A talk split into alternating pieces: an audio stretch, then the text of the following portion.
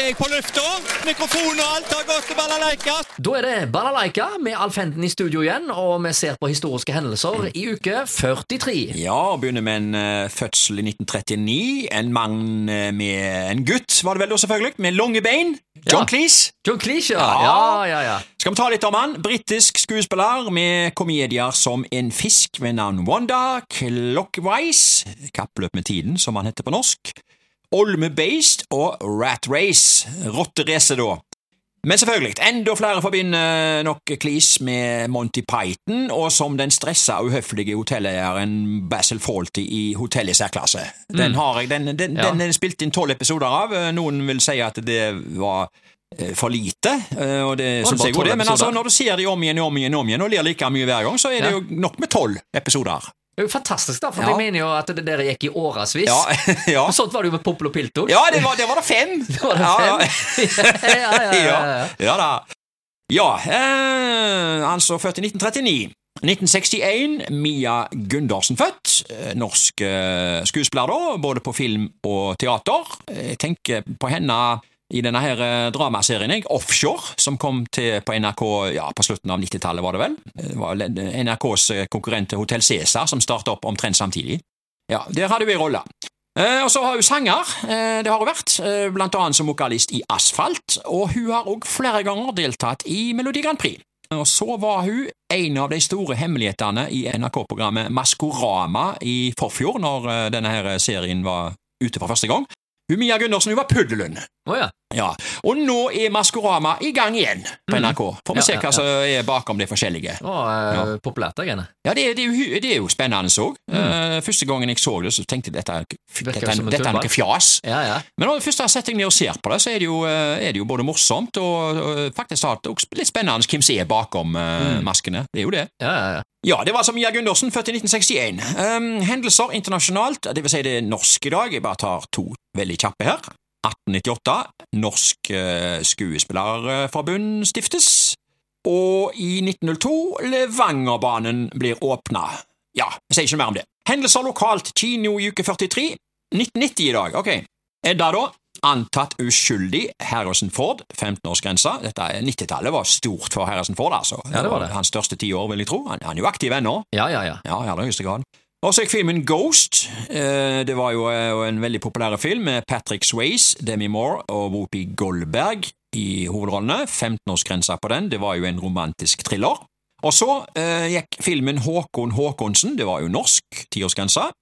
Og så gikk filmen Wild at Heart. Eh, Den var gullpalmevinner i Cannes, og i kinoannonser så står det De som ikke tåler sterke sex- og voldsscener, bør ikke se denne filmen. Mm. Nei, Wild at Heart, altså.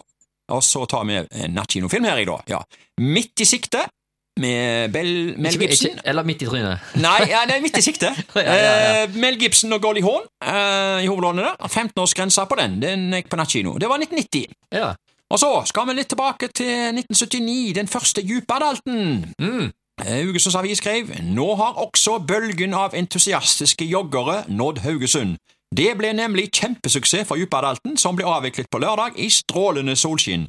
231 personer i alle aldre fra begge kjønn stilte til start. Alle våre prognoser ble sprengt, forteller primus motor bak Djupadalten, Ivar Høiby. Dette var 1979, det var jo da den første, og det var 231 personer, og det, har jo, det ble jo langt over 2000 her Mm. på 80-90-tallet. Det var vel glanstida da. Det, jeg har selv vært med og sprunget der, eh, og den første kilometeren, iallfall 500 meterne, det bare står du. Å ja. Du kommer ikke av gårde, for uh, de, som har det travlest, de stilles jo fremst, ikke sant? Oh, ja, okay. uh, og vi andre, vi står, bare, bare står, så Ja, du kommer ikke Nei, du kommer ikke, du kommer ikke lenger. Men nå er jo antallet deltakere gått litt ned igjen, men uh, det er fremdeles uh, anselig antall, altså. Det, Kan ikke bare lure deg inn i skogen på sida der, sånn at du får liksom en sånn Kan Ja, komme litt på utsida av, Jo, men når du sier det, jeg Ja. har sett eh, folk hoppet ut av en bil. Altså, Den siste kilometeren er jo den flat på flata fra, eh, fra Ramstadsblokkene og bort, ikke sant, mot, eh, mot eh, mål. Og jeg har sett folk hoppe ut av en bil der, jeg, og springe de siste 500 meterne i mål. Ja, ja, ja. Ja, det, det, Blir de hentet opp med stemmen da, så bare kjører de ja, rundt, det, det er jo juks. Ja, ja, Det er jo ikke noe mer å si om det. Nei, nei, nei. Eller er det sånn at de bare registrerer seg for eh, start, og så går de og setter seg i bilen, og så kjører de bare ned til Ramsdalsblokken, og så bare eh, jogger de for, eh, rolig ned mot mål? Nei, ja, nei, jeg aner ikke hva, hva rolle de har. Jeg, Nei, altså, det jo- jeg hva at- driver de? Det skal vel stå naboen, da? Men Ja, ja, ja, veddemål, gjerne, jeg vet ikke. jeg. Vet ikke. Det, men altså Dette her en, er jo sånn uformelt og sånn, så det, det er jo ingen som Ja, for kontrollerer og bryr noen. Ja. For andre er det jo dødsalvor. Ja, det er jo akkurat ja, ja, det. ja. ja. Djupadalten, hold on! Ja, ja, den er hot. Den er hot, jeg må nesten ta med en liten historie til om var Ja. Antageligvis har dette vært i 1982. Ja. uh, for jeg tror det var samme året som, uh, som uh, det var ski-VM i Holmenkollen. Ja. Da delte de ut ertersuppe oppe oh. på Katanak. Gikk det gale? Eh, ja, det gikk gale for iallfall jeg som trodde det var vann. Oh, ja. Han helte det over hodet. Jeg ja. så, Så så, sa ertersuppe tusen takk, og så bare ja. helte det over? Vel. Ja, ja, ja. Ja, ja, ja. Noen burde vi nesten uh, Ja, Nå må vi nesten gå videre spørre om, ja, ja. Ertersuppe på Djupadalten! Hot or not? Ja, ja, det, nei, ja, ja, det var jo bokstavelig talt hot. Det var jo bokstavelig talt Men jeg har en sak til, altså. Hva sier du det? Ja, jeg har prøvd å fortelle deg. at Vi har en liten en om englandsantenner. Det, oh, ja. det var jo uh, ihuga sjøl sikker uh, Ja, ja, ja, vi hadde ja. englandsantenner hjemme hos meg. Ja, ja.